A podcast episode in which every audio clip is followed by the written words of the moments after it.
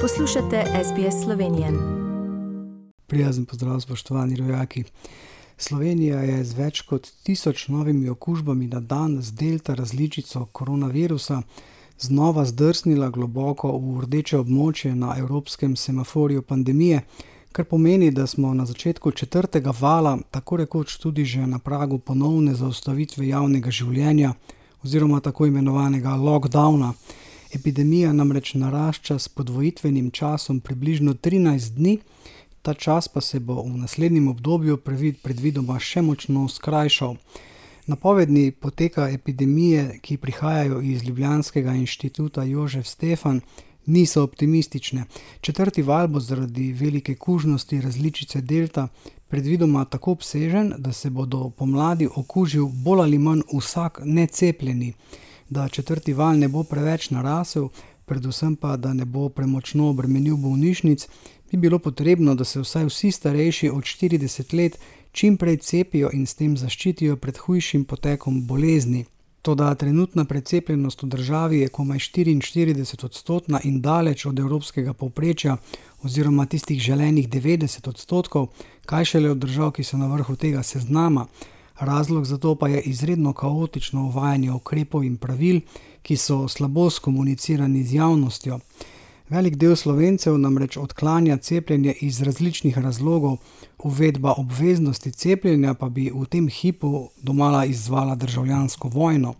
Razmere so šle prejšnji teden tako daleč, da so nasprotniki cepljenja dobesedno udrli v studio televizije Slovenija med programom v živo in zahtevali, da nacionalka predvaja tudi njihova mnenja.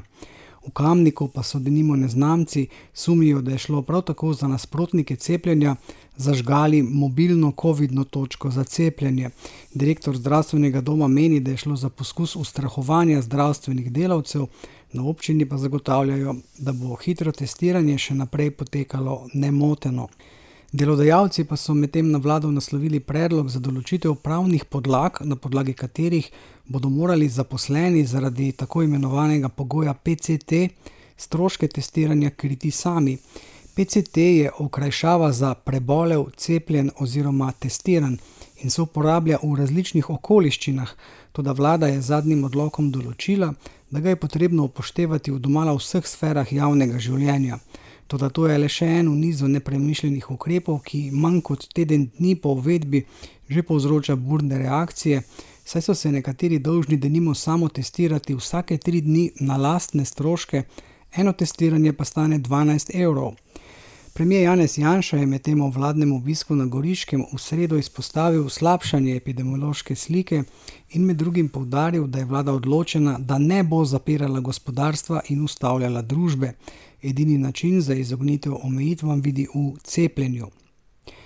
Za konec pa še o neslavni epizodi o sprejemanju zakonskega dopolnila zakona o javnem redu in miru, ki bi nas, če bi bilo sprejeto, vrnil v mračno preteklost izpred 50 let.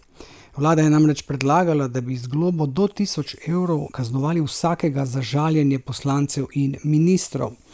Ker si je velik del strokovne in seveda tudi civilne javnosti ob tem naravnost zgrozil, so predlog omilili tako, da se nanaša na vsakogar, ki se v javnosti prepira, upije ali se nedostojno vede do posameznika ali skupine, s takšnim vedenjem pa lahko povzroči vznemirjanje ali razburjanje ali ogrožanje posameznika ali skupine ali pa škoduje njihovemu ugledu in takšno vedenje pooblaščena uradna oseba prekrškovnega organa, to je policije, osebno zazna na kraju kršitve.